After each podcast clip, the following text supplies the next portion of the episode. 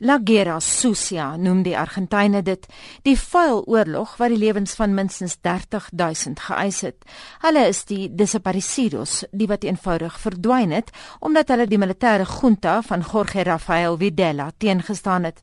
Hulle is as subversivos gebrandmerk, alhoewel die benoeming dikwels geskoei was op geen spesifieke bewys van teenstand nie. Dikwels is veral Buenos Aires se gay gemeenskap geteken, kunstenaars of flamboyante Argentyne met lang hare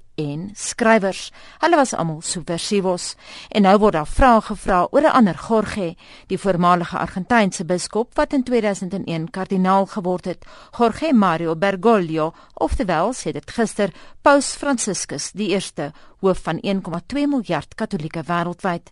In April 2005 het 'n menseregte aktivis 'n klagte teen Bergoglio ingedien. Hy sou kwansys twee priesters, Orlando Jorio en Frans Jalix, aan die militêre junta oorgelewer het. Die twee wat na 5 maande kaal en bedwelmd gevind is, beweer dat Bergoglio betrokke was by hulle ontvoering.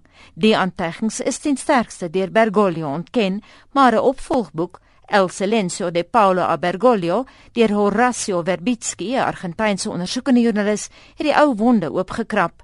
Die joernalis Santiago Sorrego van die onafhanklike TV-nuusstasie Canal 13 sê egter min Argentyne glo die storie. Certainly not. It's a version that goes uh, in certain circles closely related to the supporters of the party that is now in charge of the government. Die mense wat die gerugte versprei, is aanhangers van president Cristina Fernandez de Kirchner en staan in die Argentynse volksmond bekend as die Kirchneristas. They started to tell this story and to share links of the story in social networks and to spread the story that uh, maybe Bergoglio has ties with the military in that moment. Vandag het twee gerespekteerde stemme hulle self vierkantig aan die nuwe paus se kant geskaar.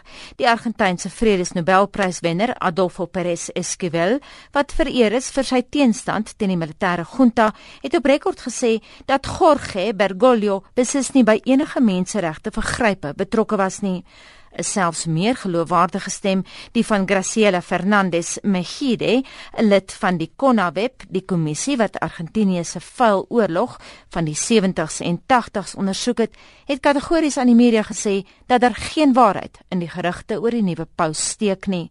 Maar hoekom die gerugte? Dit gaan hier glo oor 'n geveg tussen die staat met Cristina Fernandez de Kirchner aan die een kant en die kerk aan die ander.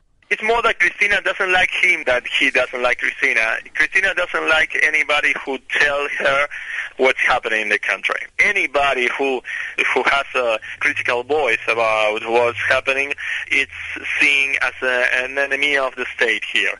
Die oorweldigende meerderheid van die nuwe paus se landgenote is egter baie opgewonde dat Paus Franciscus die eerste 'n Latyns-Amerikaner is. We've seen uh, traveling in, in the public bus or the public metro.